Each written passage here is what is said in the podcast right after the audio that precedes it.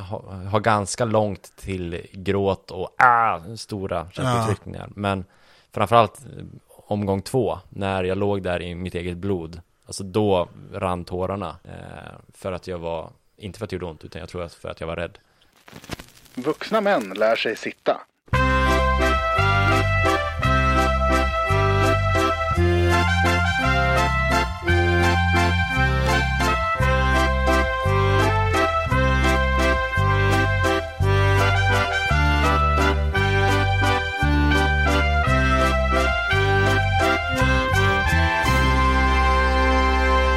Och idag är det jag som hälsar alla lyssnare välkomna till Vuxna Män Lär Sig Sitta med eh, jag, Gustav.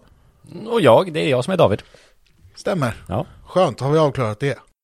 Tack som eh, FAN för responsen på det senaste avsnittet vill vi inleda det här avsnittet med att säga. Verkligen, verkligen. Alltså, bara det faktum att folk gillar det är jätteroligt med att man tar sig tid att skriva det betyder oändligt mycket. Ja, och det har inte bara varit tack för ett bra avsnitt, punkt. Vilket i och för sig är fantastiskt att folk orkar göra det. Ja. Men det har varit mer än så. Det var ganska rörande historier också. Ja, Att folk har hört av sig och berättat sina stories. Så det är ju jätte, roligt är väl fel ord, men det är ju skönt att ni litar på oss. ja. Eh, Om man ska säga. Att vi har fått igenkänning och vi har fått att det här eh, ger en större förståelse för dig och hur du har mått. Eh, de som är semi-nära dig har kanske, det har gett en större förståelse. Har jag fått till mig också. Ja, verkligen. Ja, men verkligen. Det som är, det som är så sjukt, eller så här, folk säger det. Ja, men fan Gustav, jag hade ingen aning om hur illa det var. Och bara som svar på det, jag tror inte jag visste hur illa det var. Nej. Det är nu först efterhand som man har eh, löst det. Men, eh, nej, men jätteroligt att ni hör av er. Och för den som då inte har lyssnat på förra avsnittet, det kanske är någon eller några, så pratade vi om din psykiska hälsa. Ja, och vi säger väl inte mycket mer så än att lyssna på det. Nej, det här är, den här feedbacken, den hittar vi inte på. Den har varit på riktigt och vi är jättetacksamma för det. Eh, Men jag tror också att vi då levererade ett, ett ganska bra avsnitt som kan vara värt att lyssna tillbaks på om du inte redan har hört det. Eh, I dagens avsnitt, David, Mm. ska du lära mig om vad det innebär att vara vuxen. Ja, eh, vi har ju diskuterat det eller riffat kring det, de här pilotavsnittet och det senaste avsnittet. Vad innebär egentligen att vara vuxen? Och våra avsnitt, alltså vi heter ju Vuxna män lär sig sitta. Men är vi vuxna? Det är väl det som är någon definitionsfrågetecken eh, där. Och jag tror att, eh, för jag är ju äldre än dig, det skiljer ett år mellan oss. Du är Jag 92 för. Jag är född 92. Mm. Och, men ändå så är ju du så himla mycket vuxnare än vad jag är. I så många Jag säger inte avseenden. emot. Nej, i så många avseenden. Så då tänker vi, ja men då får, då får du lära mig. Så att vi faktiskt kan komma iväg med den här podden och båda kalla oss vuxna. Men ser du på mig som vuxen? Absolut. För ibland så, jag har ju svårt att se på mig själv som vuxen och på dem runt mig som vuxen. Alltså de som umgås med som är i dylik ålder. Alltså det finns ju vuxnare vuxna Ja. än dig. Ja. Så är det. Ehm, men i kretsen vi rör oss i så skulle jag nog absolut, men du har ju koll på läget. Ja. Det kan man ju inte säga om många andra av oss. Så kanske det är. Nej, men jag ska försöka att eh, lära dig Eh, hur man är vuxen då. Men eh, vad tror du eh, det innebär att, att vara vuxen? Eh, jag tror att eh, vara vuxen är nog ganska trist. det känns som att det är väldigt mycket repetitivt. Det är jobb måndag till fredag, laga mat, betala räkningar. Eh, för när man har kommit över den här gränsen att man har liksom, eh, vad säger man, eh, förökat sig färdigt. Så känns det som att det är mycket liksom samma hjulspår som gäller resten av livet. Eh, man betalar räkningar och sen så dör man. Usch. Det är, det är ett jävla glapp däremellan. Ja, nej men eh, Jag menar att vara vuxen innebär väl att ehm, få, om man ska vara lite seriös så innebär det väl att åsidosätta sina egna sina egna högsta önskningar och behov fram och sätta någon annans i det första rummet. Ja. Mm. Spännande. Eller fin sägning. Det är fint. Jag vet inte om det stämmer, men Men det vuxnaste vuxna man kan göra Mm. är väl att vara förälder. Det är vad du tycker. Jo men det tycker jag. Mm. Det vuxnaste vuxna man kan göra är att vara förälder. Men med det sagt, det är ju inte alla föräldrar som är vuxna. Nej, den kan jag skriva under på. Men är alla vuxna föräldrar? Nej, Nej. det finns många som dör barnlösa. Ja. Svårt att gå från ungdom till gammal till död och hoppa över vuxen kanske. Ja, precis. Nej, men det vuxnaste vuxna man kan göra är att vara förälder. Ja, Det, det är att vara vuxen och ha barn. Och sen så här, ja men, antingen ha köpt en bostad eller ha ett förstahandskontrakt. mm. ja men ska vi då gå in på den biten där jag lär ut vad det är att vara vuxen? Berätta för mig hur det är att vara vuxen. Egentligen så, att vara vuxen bygger ju, skulle jag säga, 100% på två saker. Okej? Det är ett, att ha ett bolån. Och två, att ha krämpor.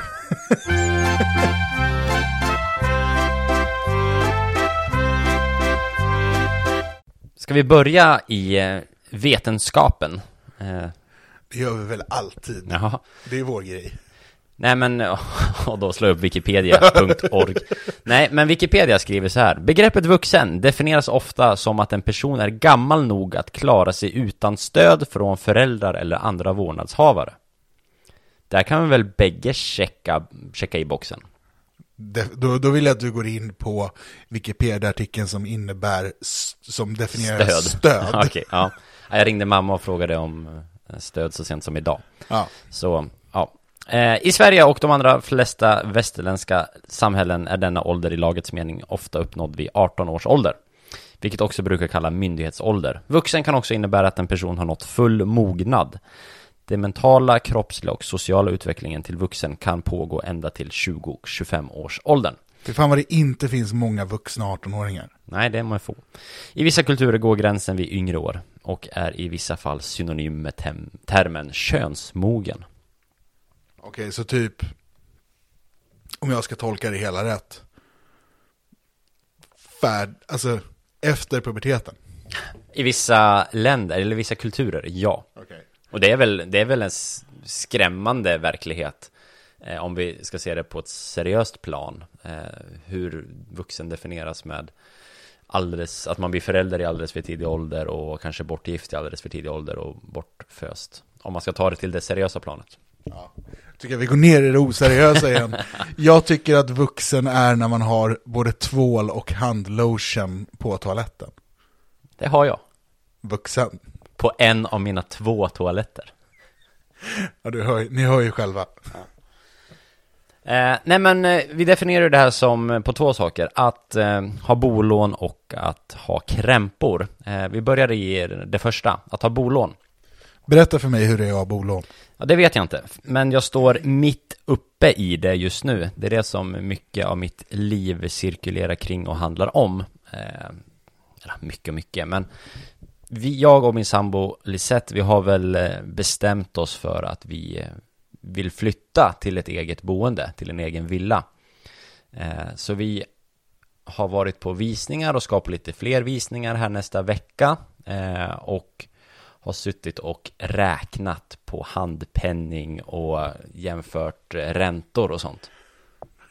Ja, Och du suckar direkt. Nej, jag, jag, jag, jag får lite ångest bara att tänka på det alltså. Ja, jag, jag tycker den här senaste veckan har varit, jag har lärt mig jätte, jättemycket. Och det har vi pratat om att det är kul att lära sig saker. Det här är, det här är en hög tröskel. Men jag, jag tror att jag har kommit över den värsta biten eh, i kunskapsväg. Så, så det börjar bli intressant nu. Men vad är det du har varit tvungen att lära dig då?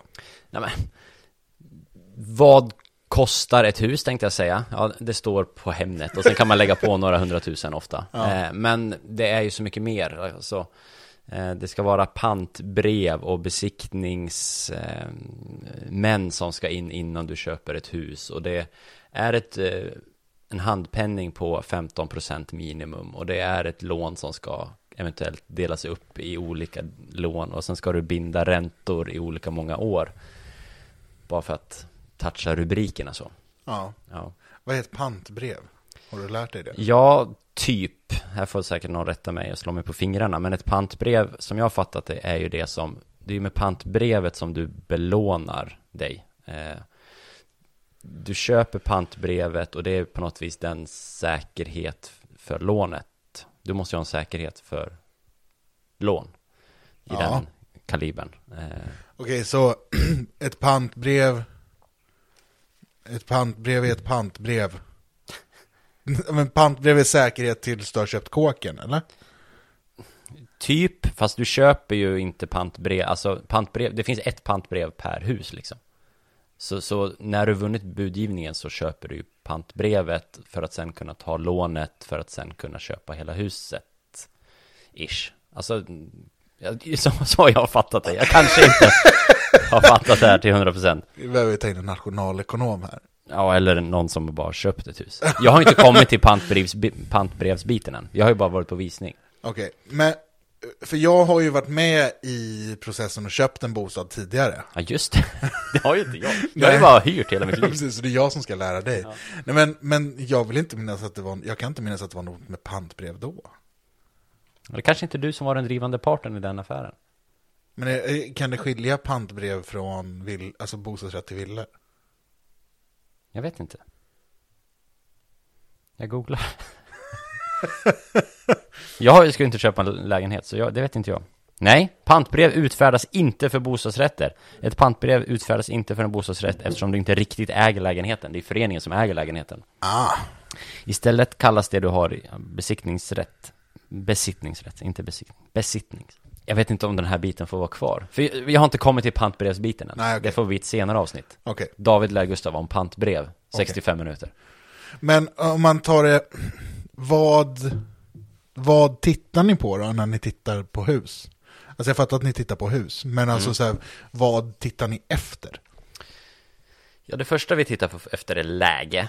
Eh, vi vill bo i Växjö och eh, framförallt, eller vi båda har, alltså vad vi föredrar i, var i stan vi vill bo. Jag vill ha cykelavstånd, citat, överallt, slutcitat. Eh, det vill säga jobb, kompisar som bor i stan, ner till centrum, ner till Grand Samarkand, eller upp till Grand Samarkand och så vidare. Och då, och gärna året runt. För att jag inte vill att vi ska ber- vara beroende av två bilar i Nej. vårt parförhållande, utan jag vill ha en bil. Ja. Det har jag bestämt. Så ska det vara. Tänker på miljön. Också vuxet att ha en ståndpunkt i hur många bilar ni ska ha.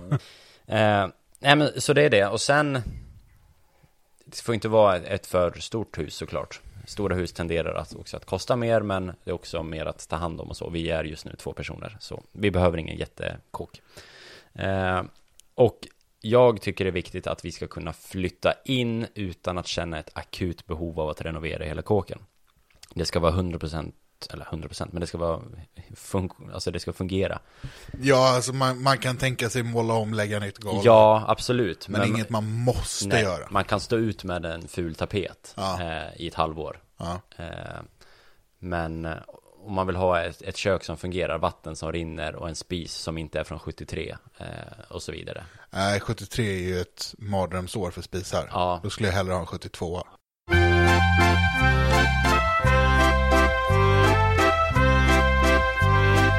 Timmarna innan jag kom hit så skickade vi in en ansökan för eh, det, lånelöfte.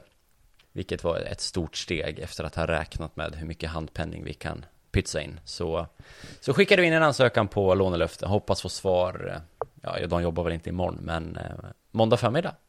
Eftersom vi ska på en visning måndag eftermiddag. Där de faktiskt rekommenderade oss att ha lånelöftet klart. Alltså det är fruktansvärt stort att be om sitt första lånelöfte. Ja, Alltså just för då går man ju inte på visningar för att det är kul att se hur andra har det. nej. Utan då går man på visning med syfte att köpa. Mm. Ja, de här två vi ska nu på nästa vecka har båda bra potential på bilder och så. eh, beskrivningar. Sen är ju mäklarfotografer något, det är kanske ett hur man tar en bra bild.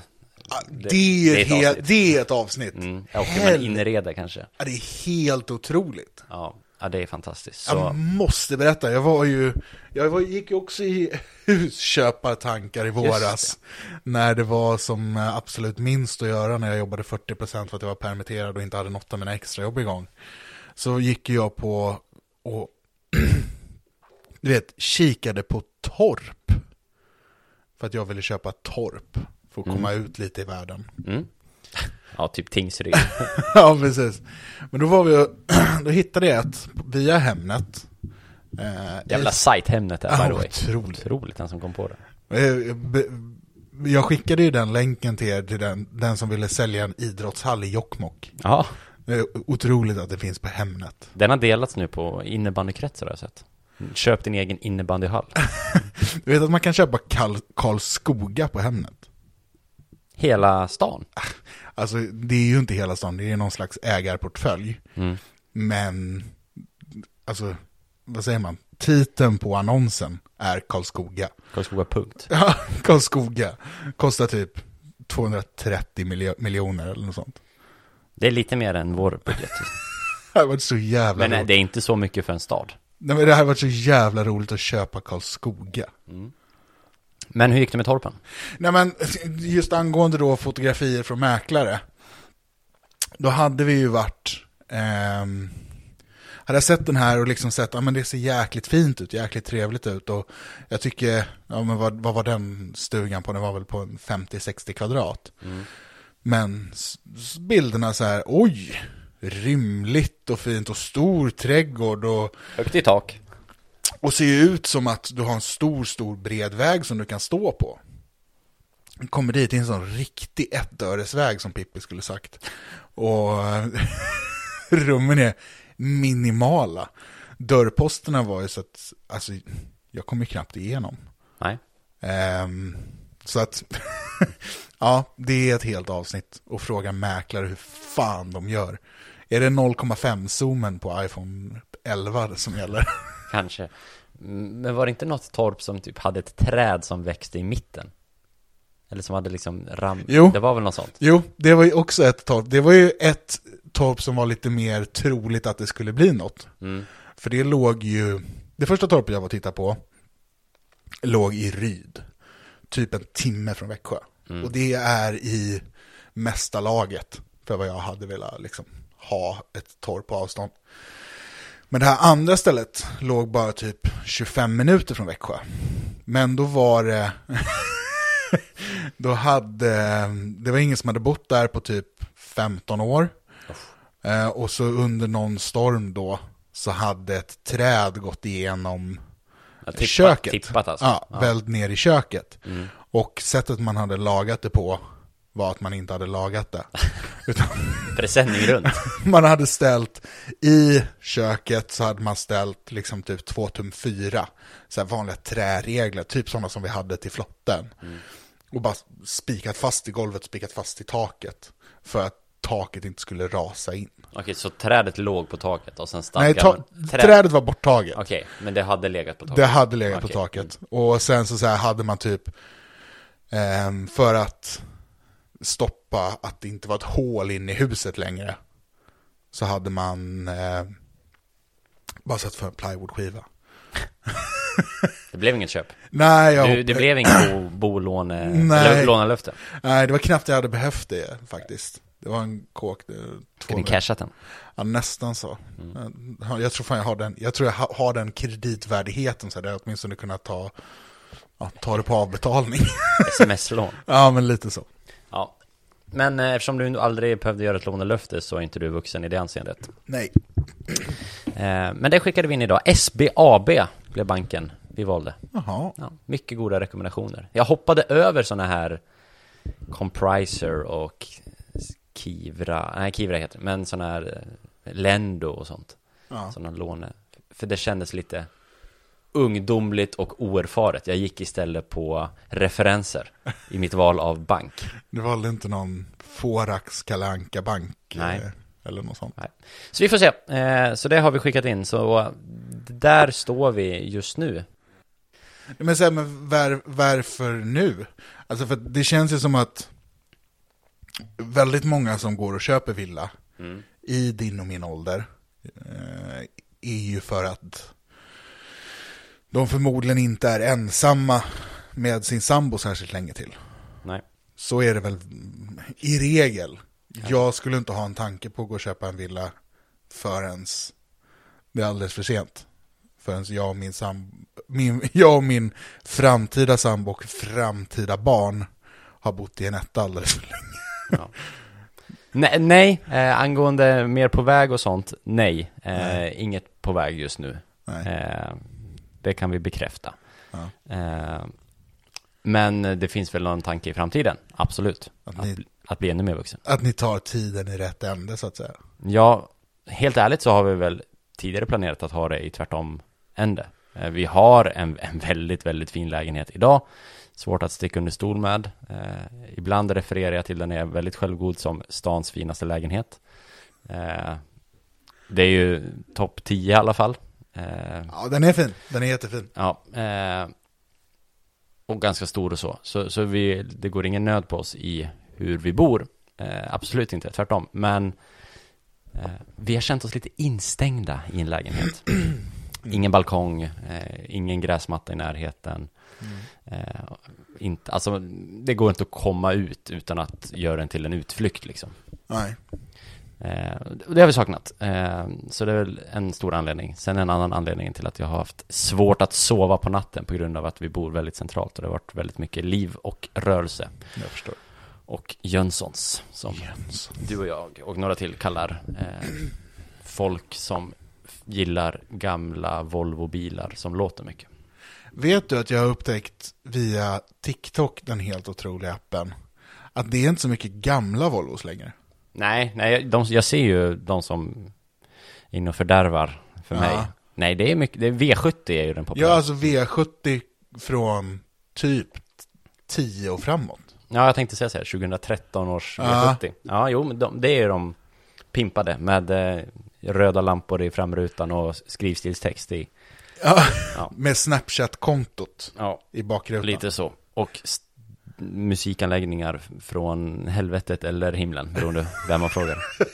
Men är det så att vi har en ny generation eh, raggare? Ja, men fan, 240 rullar väl inte längre? Det, hur mycket du än moddar på dem så... Fast jag tror de, alltså, jag tror att om 30 år när vi lever i ett Mad Max-samhälle, så tror jag att det är 240 alla kommer köra. Du tror det? Okej, Eller men så, 740. så här. Eh, sådana här amerikanska raggar, den raggarkulturen med, med Cadillac och Ja. breda muskelkärror. Ja, Eh, de tror jag är utdöende. Det är bara fincruisare ja som men kör de, sådana. ja, alltså de är ju för dyra. Ja, och så, med sådana, ja, när vi växte upp i så här, tonåren, då känns det som att raggarna hade mycket sådana som var liksom skrothögar, men ändå amerikanare. Eh, idag känns det som att det är mer än en V70 från 2013. Liksom. Ja, för jag, jag ska vara helt ärlig, jag har ju sådär, just den här, jag, jag ska inte påstå att jag har mycket av raggarådra i mig. Mer än mig. Säkert. Men just den här biten med en amerikansk bil från 70-talet med mycket hästkrafter som låter mycket. Mm. Det är lite av min våta dröm att ha en sån. Ja, en välvårdad Såklart. som man, ja, ja, alltså det är skillnad. Jag kan, ja, jag kan ju tänka mig en Volvo V70 från 2013, så det är inte det. Men det är liksom hur man Men använder du vill den. ha den av andra Ja, det anledningar. är, det är hur man använder den. du vill ha den för att du får plats med två barnvagnar där. Ja, kanske om, ja. Ja men du får plats med, minns, fan vet jag, ni ska flytta till villa, du kommer ju behöva en sån trimmer. Ja, Så precis. du kan klippa kanterna. Mm, fan vad jag hatade att klippa kanterna när jag var ung. Hade inget emot att klippa gräset, för det gick man ju med den här Ja, men vanliga. du, Men klippa när jag, ja, när jag var ung hemma, David kan inte du hjälpa till att klippa gräset? Ja, brorsan tar gräset, David du får ta kanterna. Okej, vi hade ju ingen zid, zid, zid. Vi hade ju en jävla sax. Av den såhär, någon såhär, inte sekatör heller, utan men tänk eh, ett sax med blad på två dess, två och en halv dess. Ja. Som liksom var, den var, den var gjord för Ja, man skulle, man Så- kunde ändå stå upprätt och klippa. Nej, nej, nej, nej, nej, du fick alltså, klippa. det var, ja, det var, ja, en sax med två och en halv decimeter blad. Platt, gjord för att klippa kanterna. Blå var den. Ja, du hade det värre än vad jag hade det. Ja, så kom inte att klaga på motordriven kantklippare. Mamma och pappa har dock köpt en motordriven nu, så ja. På Jag- sladd. Jag kommer fan inte ihåg sist jag klippte en kant. Nej. Jag har jobbat som fastighetsskötare, så Det har ju jag också. det är sant. Vi kommer lite off topic. men gör inget. Nej. Det är så det- Så här, för er som så tänkte att, ja men nu jävlar, nu sätter jag på mig. Det här kan jag klassa, jag kan lyssna på den här podden på arbetstid och klassa det som fortbildning. Ah, Nej. Förra avsnittet var väl relativt lärorikt. Eh, men det här att vuxna män lär sig sitta och lärandemomentet, det är väl flytande. Ja, oerhört. Nej, men du pratar om att ni har ehm, fått lånelöfte och hela den biten nu. Ja, inte bekräftat, men, Nej, det är men- men- svårt att säga att det inte ska bekräftas. Ni gjorde, gjorde ni det på deras hemsida och la in era löner och era Mm. sådana saker och den sa ni kan förmodligen få lånelöfte så här mycket. Ja, och sen... Kommer de ju inte banga på det liksom. Nej, precis. Om ni inte har några skelett i Nej, för det, kreditupplysning. det är det de kollar nu. De gör Ja. en kreditupplysning. En UC. Eh, men det gör, har vi inte. Eh, om inte Lisette har fifflat något de senaste månaderna här. Det var så jävla roligt om det visar sig att Lisette är ägare till fyra skalbolag i Caymanöarna som omsätter flera miljoner. Och en V70 från 2013. Ja. Nej, så, eh, så, så det är, vi får se. Två visningar nästa vecka. Eh, norr ska vi till i Växjö, för er som kan den här stan. Så det blir spännande. Det blir spännande. Men jag tänkte jag skulle prata om krämpor också. Du har ju haft, och här, jag kommer få sitta och hålla ifrån micken. För jag tycker detta är jätteroligt. Jaha. Men vi kanske ska varna graf, alltså varna känsliga Ja, men lyssnare. jag kan lägga in en, en eh, triggervarning när det börjar bli mycket detaljer. Ja. För det börjar ganska snällt. Ja, I, eh, det är inte så... jag lägger ifrån mig micken. och så tar jag upp mitt vinglas. Ja. Och så ska jag bara lyssna.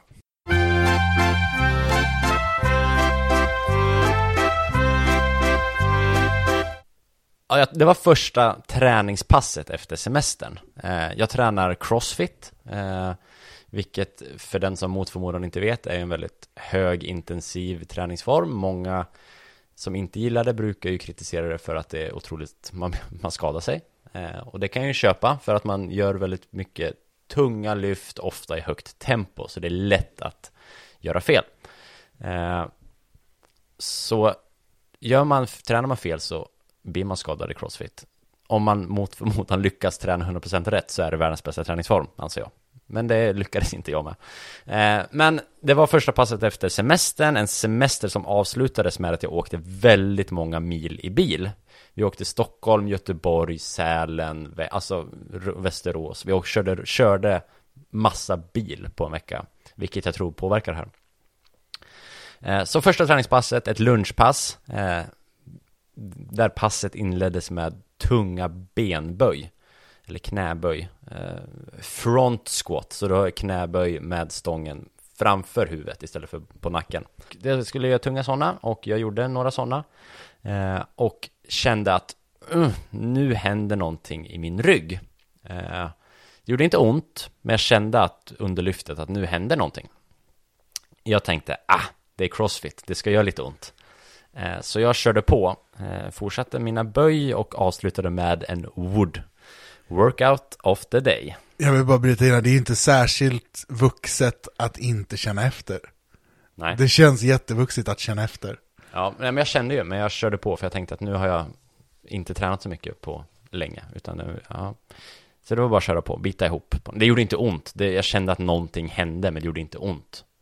Eh, Jag brukar vara ganska duktig på att sluta när jag har ont, men det gjorde inte ont. Eh, Så jag, jag körde på och gjorde sen den lite flåsigare delen av träningspasset, det vill säga wooden.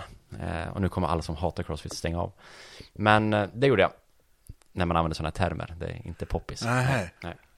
Nej. Jag gjorde det, det gick bra. Eh, åkte, vände till jobbet, eh, jobbade resten av eftermiddagen liksom, kom hem. Eh, på kvällen när jag låg i soffan och kollade på tv så kände jag att det började göra ont i den punkten där jag kände att någonting hände. Eh, så jag bad min sambo Lisette, hon fick eh, liksom massera, gnugga, trycka på den punkten. Eh, hjälpte inte så mycket, jag gick och la mig med smärta. Eh, och den natten började det bli hemskt. Det liksom, jag kände varenda gång jag vände mig i sömnen så vaknade jag för att det gjorde pissont. Eh, och eh, när jag vaknade på morgonen hade jag jätteont i ryggen.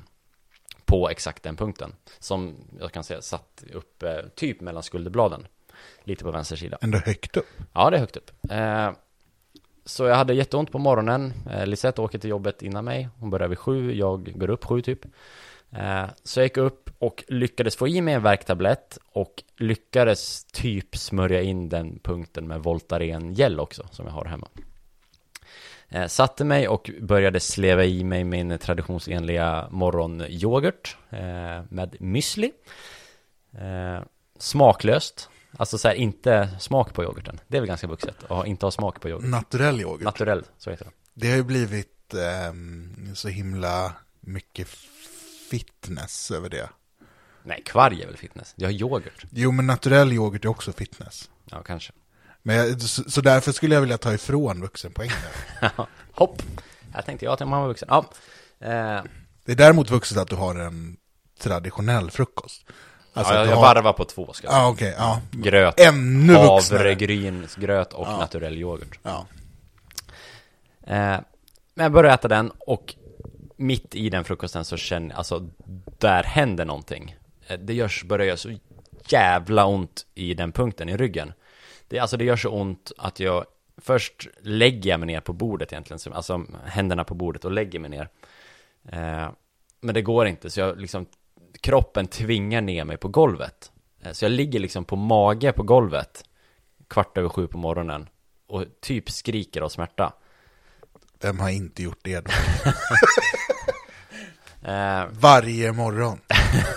Klockan ringer. Lägger Ah! mig golvet och skriker av smärta. Eh, nej men så, så där ligger jag och liksom och telefonen är Den låg bredvid där jag satt liksom Jag tänkte jag måste ringa någon eller något eh, Och liksom försöker ta mig upp för att Ta min telefon Men det går inte för det gör så jävla ont Alltså jag har aldrig varit med om att någonting har gjort så ont eh, Dittills eh, eh, Alltså, så så jag tror jag ligger där uppskattningsvis en kvart på mage och har ont och kommer ingenstans. En kvart är länge när man Ja. bara ligger också. Och det är ingen, alltså jag låg en kvart eh, innan jag lyckas liksom med otrolig smärta trycka mig upp via en stol och liksom får upp handen, trevar efter telefonen på bordet och liksom hittar den i blindo och liksom drar ner den på golvet och därifrån så ringer jag 1177 eh, och berättar vad som har hänt och de frågar har du tränat? Ja, jag har tränat igår. Ja, det här är ryggskott säger de till slut. Ta en Alvedon och Nipren Lägg dig på rygg med benen i 90 grader, alltså typ upp på soffan eller någonting. Jag säger, jag har redan tagit värktablett, för det hade jag ju gjort. En, jag tror jag tog en Ipren. Eh, och, eh, men jag lyckas åla mig på golvet typ, komma fram till soffan och slänger upp benen i soffan och ligger så 90 grader. Eh, I typ en kvart till händer ingenting. Eh, och då inser jag att eller då ringer jag min mamma, apropå att klara sig utan stöd från föräldrar. Men hon har jobbat inom vården i 30 år, ish. Det är ändå rimligt. Ja, För då ringde du inte din mamma, utan då ringde du den mest erfarna vårdarbetaren som du kände. ja, ja, för det var ju i vårdsyfte jag ringde. Eh, och hon säger, när jag, när jag berättar att det gör ont mellan skulderbladen, att det där låter inte som ett typiskt ryggskott, vilket 1177 trodde. Eh, utan det där låt, kan vara någonting annat potentiellt. Det kan vara ett ryggskott, men det kan också vara någonting annat. Eh, och jag har tidigare haft lite så, eh, trott att jag har haft njursten, också vuxet. Eh, har pratat med mamma om det, så hon säger, ja men det kan också sätta sig i ryggen, sök vård liksom. Okej, men det är inte så att du har en hypokondrisk ådra, utan Nej, det du, skulle jag du, du verkligen- trodde verkligen att du hade njursten. Jag skulle säga att jag inte är hypokondrisk, Okej. långt därifrån faktiskt. Mm, Eh, man blir, säger jag slentrianmässigt, inte så hypokondrisk om man växer upp med en mamma som jobbar inom vården. Det vågar jag säga. Rätta mig om jag har fel någon. Eh, det tror jag. Eh, sen, eh, så, så jag bestämmer mig att, ja men fan jag behöver åka, för det gjorde så jäkla ont. Och det hjälpte inte med någonting. Så jag ringer min kollega Jonas som får komma hem till mig. Han, vi, jag bor väldigt nära mitt jobb ska sägas. Han får komma hem till mig, in i lägenheten eh, och hjälp, alltså, hjälpa att dra upp mig från golvet. Eh, stötta mig ner till entréplan, åka hiss och sånt och sen ut i hans bil för att köra mig till akuten. Eh, och, Medan det här sker, mm. är det så plågsamt att du nästan skriker hela vägen, eller hur? Alltså, jag minns att när jag skulle sätta mig i bilen så liksom fick jag in vänsterbenet Men jag lyckades liksom inte böja nacken Eh, man måste ju ducka lite med huvudet för att komma in Han har en normal stor bil så men Alltså det gjorde så jävla ont Så jag stod där innan jag fick typ trycka med handen Trycka ner nacken I smärta för att det skulle komma in i bilen eh, Kommer iväg till akuten, eh, får göra sån där corona-enkät utanför, blir insläppt och det är inte mycket folk där. En tisdag, på, så, så det var typ två före mig, sen kom jag in rätt snabbt. Eh, får hjälp, de kollar EKG, de kollar blodtryck, de kollar allt sånt. Eh, visar inga konstigheter alls. Eh, och till slut, jag får sätta mig i något rum, alltså de släpar omkring på mig där inne i akuten och folk tittar på mig när jag är 26 år och går som jag är 99. Eh, alltså, och de säger så här, de, kommer, de släpper in mig i ett nytt rum i väntan på läkare. Så här, men du kan lägga dig på britsen, säger de. Så, Nej, jag kan, inte, jag kan inte lägga mig på britsen. Jag sätter mig på den här stolen i den här, alltså med en speciell ryggvinkel, vilken var den enda som man liksom, jag kunde överleva i. Som med, med lågt stöd för svanken typ. Ja, men liksom jag satt otroligt böjd i höft, Ja. alltså i höftböjan, ja. jätteframåtlutad, lutandes på armbågarna Som på att du såg jätteintresserad ut av samtalet. Ja, eller ja, typ titta ner i marken, Ja, som okej. att det ser ut som jag ska spy typ. Okej. Eh, Klassisk tjackställning. Ja, det kanske det är. Eh, så jag sätter mig där och väntar på läkare och tänker bara ge mig något starkare. Eh, men hon ger inte det. Till slut kommer läkaren, eller till slut kommer sjuksköterskan in igen och har pratat med läkare och då får jag smärtstillande, morfin och muskelavslappnande.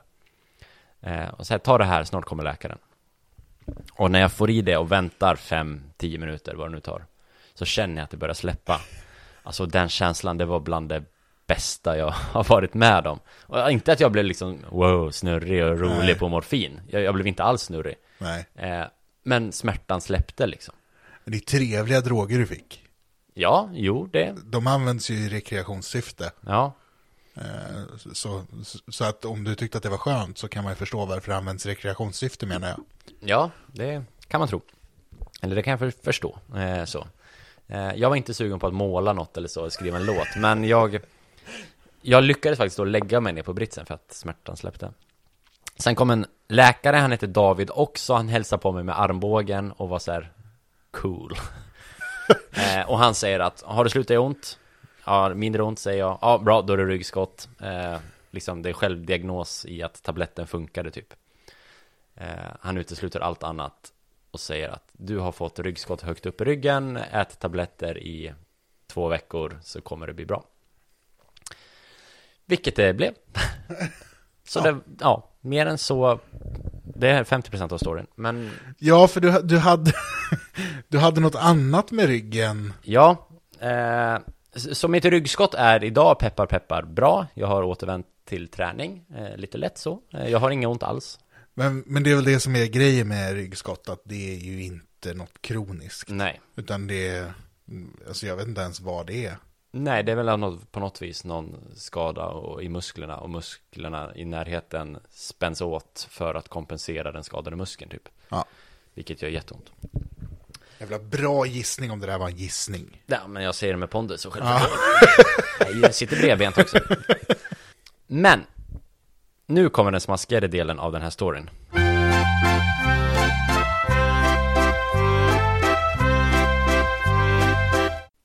Samma dag som jag fick det här ryggskottet hade jag en inbokad tid till en eh, kirurgläkare eller eh, någon som, läkare som opererar. En kirurg. Ja, det heter väl så. Eh, eftersom jag har haft problem med en knöl vid svanskotetrakten, alltså skiftet mellan rygg och rumpa i princip, under huden. En knöl som har gjort ont när man har liksom legat på den, typ legat på rygg helt enkelt, så har det gjort ont. Eh, och jag har varit hos vårdcentral och fått vad de trodde att det var helt ofarligt men eh, du får åka alltså, remiss till kirurg för att kolla upp det här eh, och förmodligen ta bort den då. Eh, så samma dag som jag fick ryggskott så skulle jag dit. Eh, av naturliga skäl så kunde jag inte ta mig till kirurgen, fick skjuta upp det. Så en vecka senare då, efter ryggskottsutbrottet, så lyckades jag ta mig till den här kirurgen i vad jag trodde skulle vara en kontroll för beslut för nästa move liksom. Det är inget som jag lider jättemycket av, men det är en knöl som är i, i vägen typ. En konsultation tänkte du. En konsultation tänkte jag att det var. Eh, Så jag hoppade upp på britsen där, träffade en eh, läkare och en sköterska där, eller en kirurg och en lä- sköterska. De konstaterade att det var en pilonidialcysta. Right. Eh, vilket är en väldigt vanlig eh, grej för eh, unga vuxna. Men jag tror alla vet vad en pilonodialcysta är, så jag tror vi kan gå vidare nu. Hade du något tredje vi skulle prata om? Nej, men de säger att det är en sån, vilket kommer utifrån förmodligen att en hår, ett hårstrå växer inåt och det blir inflammerat under huden typ. Det kan, och nu små börjar vi med de med grafiska bitarna, så är ni känsliga eller sitter och äter så kanske stäng av. Eh, och det blir värre framöver. Men det, det är en, en hårsex, hår som växer inåt och det kan bli inflammerat. Eh, det kan också spricka, vilket då syns ju utifrån om man märker att det rinner typ var. Det gjorde inte det för mig, utan det, min hud såg normal ut, men det var en knöl under huden. Mm. Eh, de säger, ja det är sån här, det ser fint ut för det har inte spruckit, eh, men det enda sättet är att skära upp och ta bort, alltså ta bort den. Eh, vi kan göra det nu, säger de. Då har jag gått, alltså det är mitt på dagen, jag har gått från jobbet för att göra det här och tänker att jag ska återvända till jobbet. Ja, Men jag vet också att jag har inget liksom speciellt, jag har kanslitid, ja, eh, vilket jag kan göra hemma eller så. ja. Så vad innebär det då? Ja men du kommer, vi kommer göra så här, du kommer ha lite ont in en timme eller två, eh, jobba inte idag, kanske jobba hemifrån imorgon typ. ja. Vilket jag hade möjlighet, så jag sa ja men vi kör. Eh, och de skär upp eh, och eh, det är ju lokalbedövning. Eh, en lokalbedövning som de sa typ, ja nu bedövar vi sa de och sen gjorde ont, gjorde det. Eh, ondare, jag, jag, jag har inga problem med sprutor och sånt vanligtvis. Eh, men det var det nog den mest smärtsamma bedövning jag har fått, tror jag. Ja, Men alltså, och jag som, jag har verkligen inte en liknande upplevelse. Men jag var hos läkare och tog bort leverfläckar. Mm. Två stycken på ryggen. Och det är samma sak när man är hos tandläkaren. Bedövningen är ju det som gör fruktansvärt ont. Ja, Men det kanske är för att man har bedövning som det andra inte gör. precis. Men jag har då, när jag var och tog bort den här leverfläcken, då tog den här sköterskan för lite bedövning. Ah. Så min bedövning slutade verka lagom till, och jag vet inte om du vet hur de tar bort. Jo, jag har tagit bort leverfläckar De också. skrapar. Okej, min, ah, inte min, min har stuckit ut. Okej, ah, nej, min skrapade de. Okej, mm. Eh, så jag kände varenda rista. okej. Och mot slutet så skulle de ju stänga såret Mm. och sy. Mm. Och det gjorde de helt utan bedövning. Jag kände mig som Rambo. Varför sa du ingenting? Men jag sa att jag tror inte bedövningen funkar längre. Hon sa det är så lite kvar. Ja, Ja, du är en stor och tuff grabb, tänkte de. ja så, här, så jag kan ju jag kan ju vara ganska stolt i att säga jag har sytt tio stygn utan Det är bedövning. ett stort födelsemärke, tio stycken. Ja, två. Okej. Mm. Två rätt stora. Eh, men den bedövningssprutan gjorde ont. Men jag tänkte, ah, jag har ju klarat ett ryggskott. Jag klarar väl en bedövningsspruta. Eh, så de öppnar upp efter det. Jag känner ingenting, det går jättebra. De gröper, alltså tömmer den här knölen. Eh, och gröper, för det är någon form av kanal som går till knölen typ. Så tänk er, eh, som en liten kanal, sen är liksom en liten, en stor, en väldigt stor finne, ish. Kan ni tänka under huden. Eh, så de tömmer det och sen ska de ta bort knölen, sen ska de tömma kanalen. Då visar de verktyget de använder. Eh, och jag, glasskopa vet de flesta hur det ser ut. Inte det här runda. Eh, utan, alltså, ofta är de i plast, sådana glasskopor. Eh, Ja, en ganska klassisk glasskopa. Det är inget Ja. konstigt egentligen. Ja. Det ser exakt ut som en glasskopa.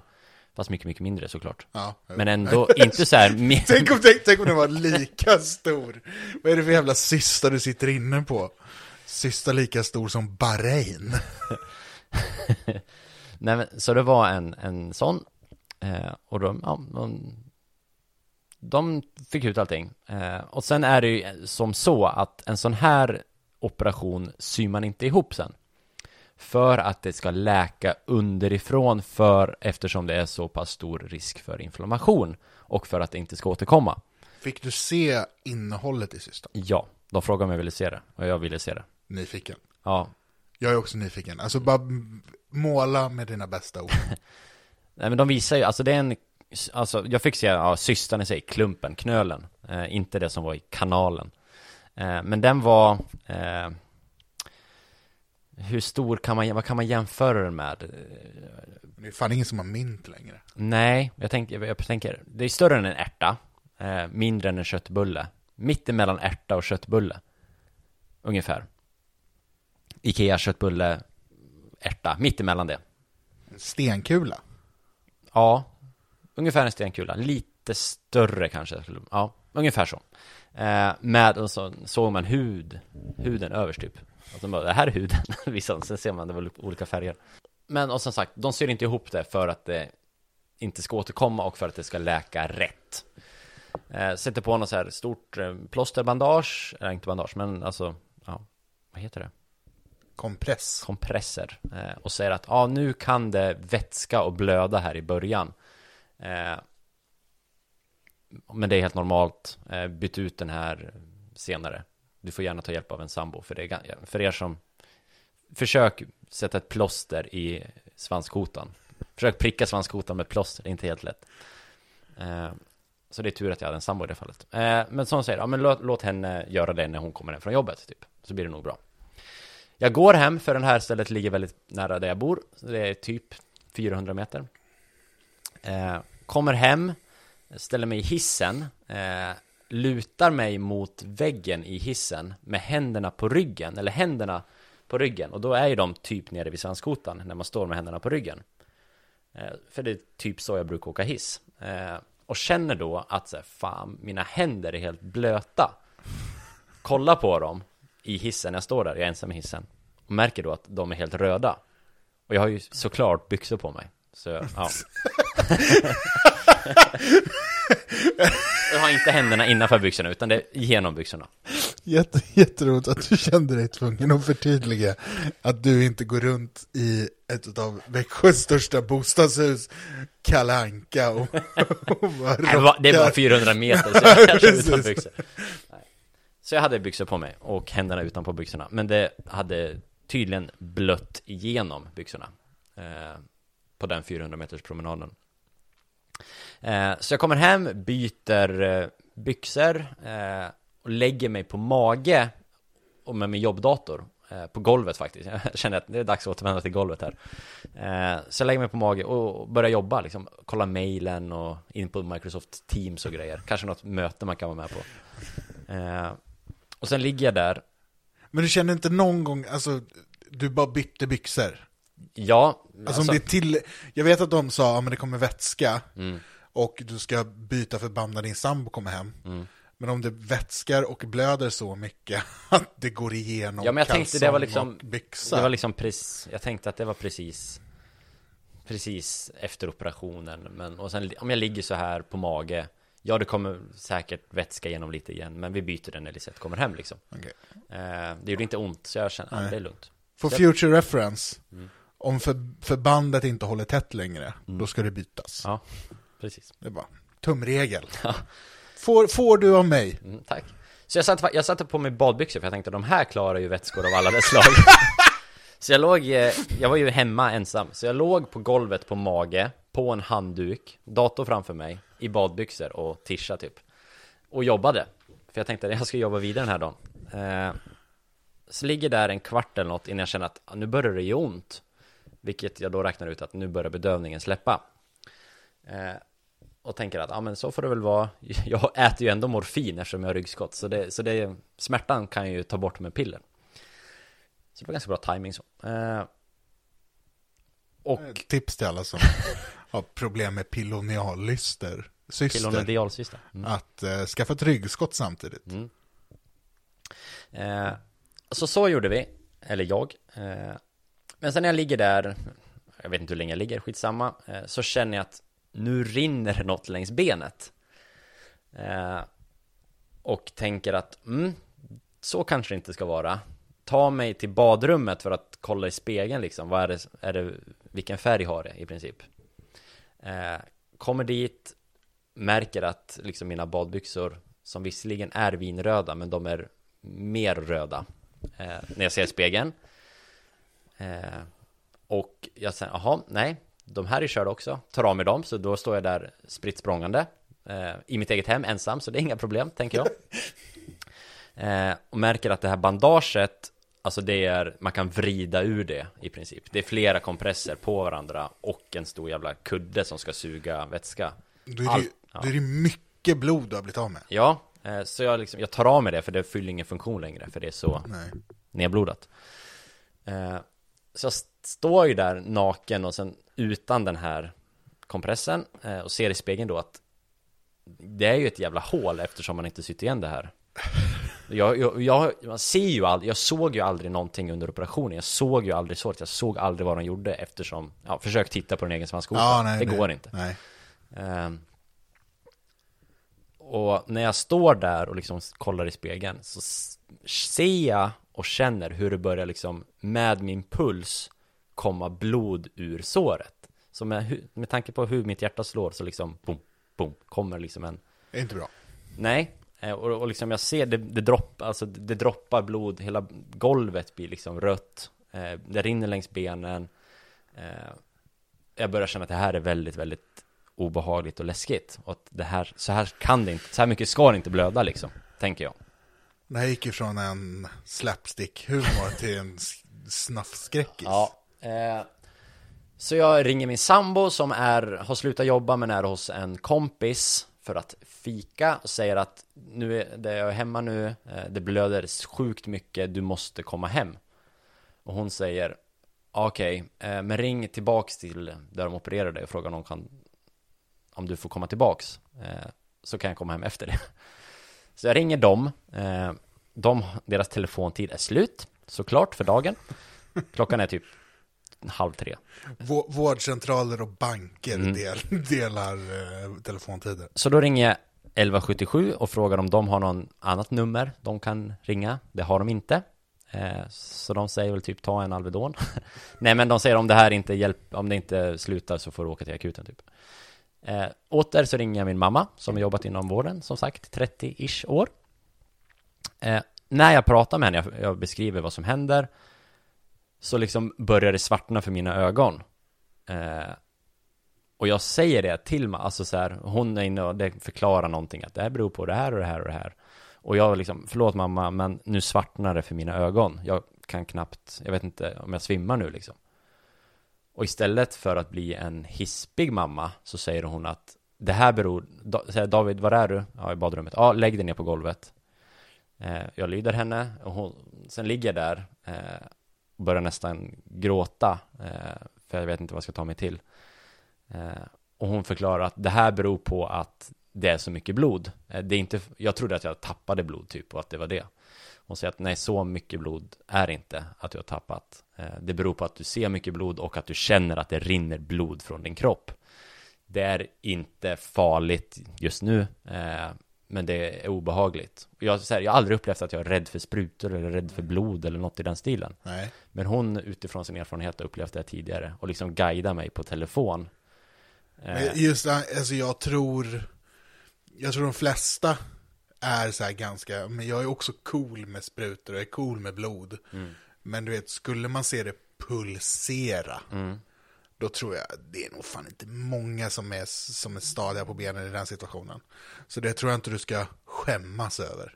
Nej, nej, och det gör jag inte. Men liksom då så var det så här, men jag trodde att jag skulle svimma för att jag skulle få blodbrist. Det var därför jag trodde liksom.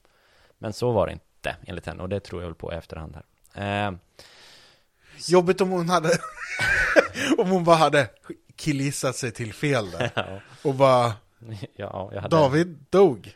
blodbrist. Ja, precis.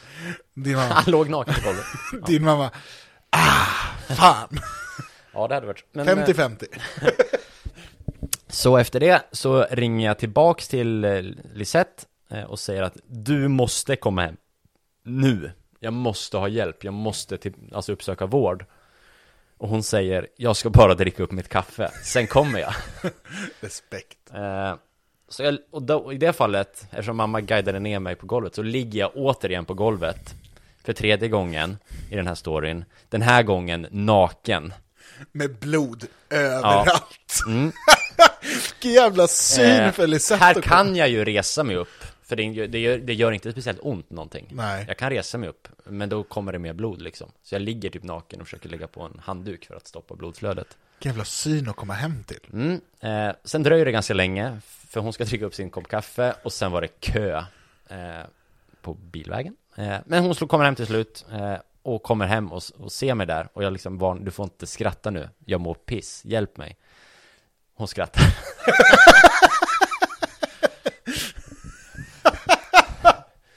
eh, initialt. Sen ser hon liksom såret i princip och blir liksom så här, okej, du behöver hjälp. Men det, hon, hon, hon är inte, alltså okej, jag kanske har en annan bild av det här hela nu. Mm. Men jag ser ju någonstans framför mig slutscenen i Django Unchained här. Det är bara blod överallt. Alltså, det är mycket blod på golvet. Det, initialt så ställde jag mig i duschen och jag lyckades också skölja ner en del i, i duschen innan hon kom. Eh, men ja, det är mycket blod. Alltså, handdukarna som jag har där är jätteblodiga. Men det är fortfarande, alltså, jag Ja. älskar Lisettes reaktion. Men om jag går in någonstans och ser att det är mycket blod, Jag har, men jag, jag, har, jag fattar, men jag har ju förvarnat henne. Eh, hon vet vad det är. Jag kanske till och med skickar någon bild liksom. Ah, okej. eh, och hon, hon jobbar inom tandvården. Det är inte samma sak så. Men Nej. hon möts ändå av blod i munnen eh, till vardags. Eh, och så. Eh, så hon, eh, vi, vi plåstrar om på något vis, får på mig kläder och sen hasar vi oss tillbaks till operationsstället. Dörren är låst, klockan är väl då typ halv fyra.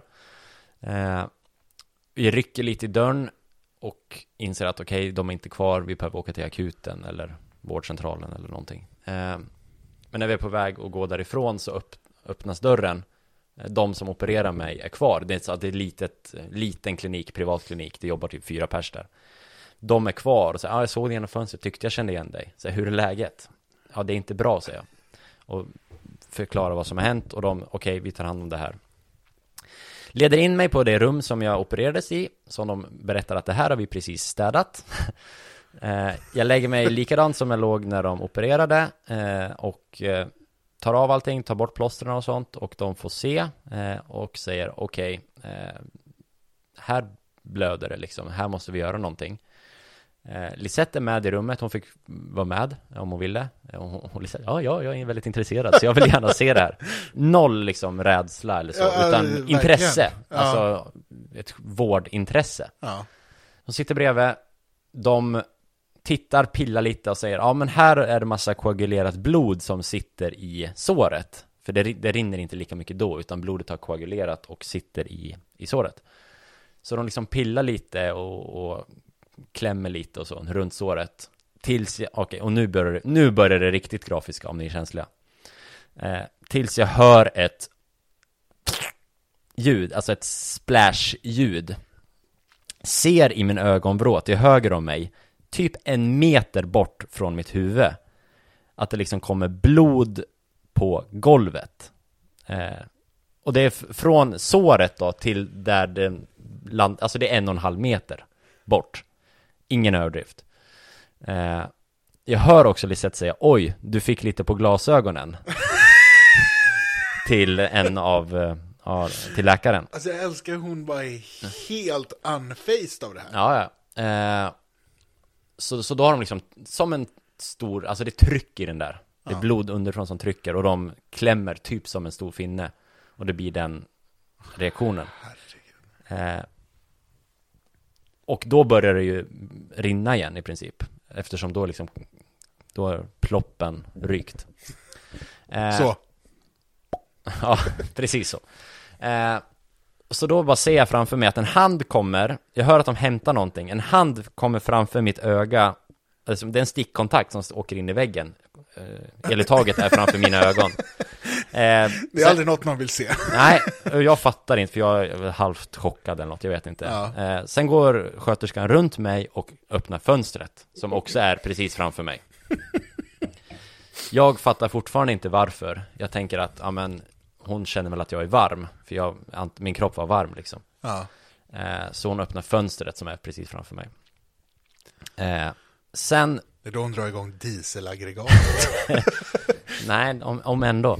Eh, sen hör jag liksom, det är någon maskingrej de håller på med där. Och sen hör jag liksom ett pip och sen ett frätande ljud. Jaha. Ja, och sen pip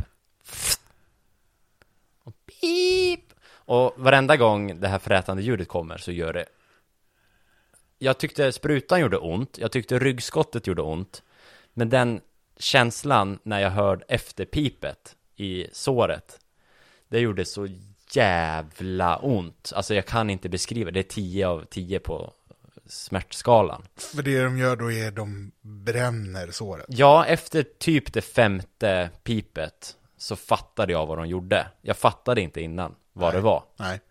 Eh, det kändes, det var liksom, det var typ det femte så kände jag att, men nu blev det liksom varmt. Eh, tidigare så, ja men det kunde lika gärna varit en kniv eller någonting, en Ja. sax eller vad fan vet jag. Ja. Men ja, fjärde, femte gången, då känner jag att det blir varmt. Så jag frågar, eh, jag tror jag frågar liksom, bränner ni nu? De svarar inte liksom. Utan de bara fortsätter. Och jag vet inte hur många gånger det var, kanske tio sådana pip och sen eh, Och jag hör liksom, vad fan, fan, de liksom Ja, de, blir, de blir inte riktigt kloka nej, på det. Nej, eh, Åh, fy fan. Eh, och sen säger jag till slut, ja men nu. Och sen kommer de så här, nu David ska vi ta den här sprutan du inte gillade tidigare. Med bedövning. Ja. Så då har de då alltså inte bedövat först, utan de har bränt typ tio gånger i ett öppet sår. Och nu ska de göra något värre.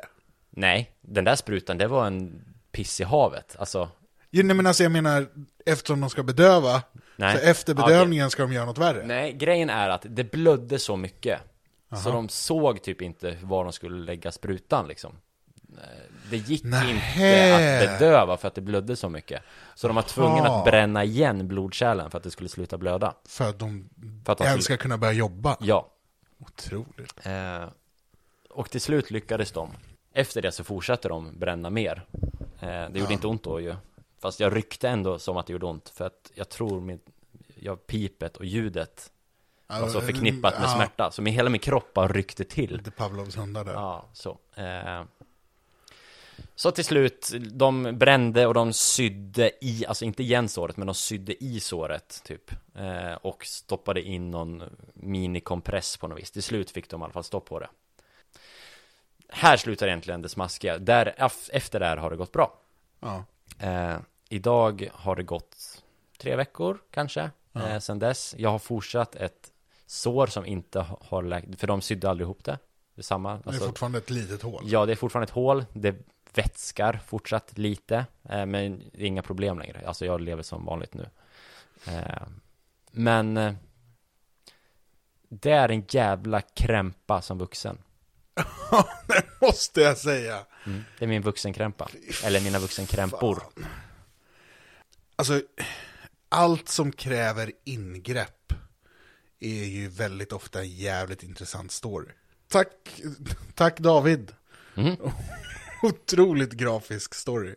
Och jag, jag ser, för att, och här tycker jag att det är ännu lite roligare för att vi pratade i förra avsnittet om känslouttryck och hela den biten.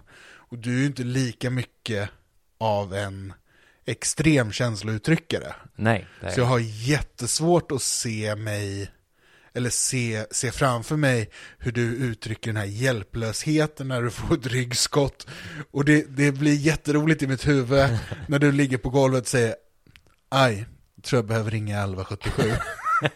Ja, Oj, vad mycket blod det var. ja.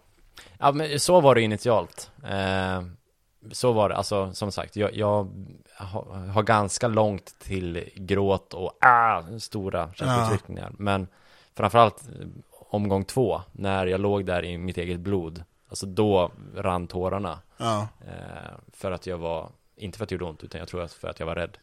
Helvete vad utsatt man är. Och ensam. Eh, Det är inte vuxet av dig. Vi konstaterade det. Du behövde ju stöd i den pos- i situationen. ja, Det var inte vuxet av dig. jag behövde vård. Alltså åter, jag ringde mamma, ja, men det var för att hon jobbar inom vården. Ja, ja. Jag, jag tycker ändå det är vuxet att, att behöva uppsöka vård för krämpor. Framförallt så är det väl jävligt vuxet att inse att man behöver söka vård för sina krämpor. Ja, jag tror det. Är det vuxet att erkänna att man inte är övermänsklig? Ja, o ja. Alltså det är väl, eh, det pratade vi om redan i senaste avsnittet också. Eh, Så nu har vi liksom fått ett avsnitt med det psykiska perspektivet och idag det, det fysiska. Där vi bägge har verkligen, verkligen behövt vårdens hjälp. Och jag vill här också skicka, alltså fasen vad bra Alltså jag fick komplikationer på min operation Men jag vill inte beskylla vården för att de gjorde fel Nej. Och jag vill inte beskylla att de brände mig utan bedövning och utan att se vad de gjorde För jag tycker hela vägen, rakt igenom gjorde de rätt Väldigt ofta gör de ju det. Så jag vill, fasen vad grym de är i svensk vård Ja, verkligen. Verkligen. Ja, nej men eh, fan, ska vi försöka runda av det här då? Ja, jag, jag tänker det Eh, Jag, jag något vill ju tacka, för nu är jag vuxen. Så nu ska jag gå och ta ett bolån tänkte jag. Och sen ska du operera bort en potentiell pilononidealcysta Jag får leta upp en först. Ja Eh, Nej, vi hoppas att du slipper det andra Men det första kanske kan bli aktuellt inom en inte allt för lång framtid Det hoppas jag verkligen.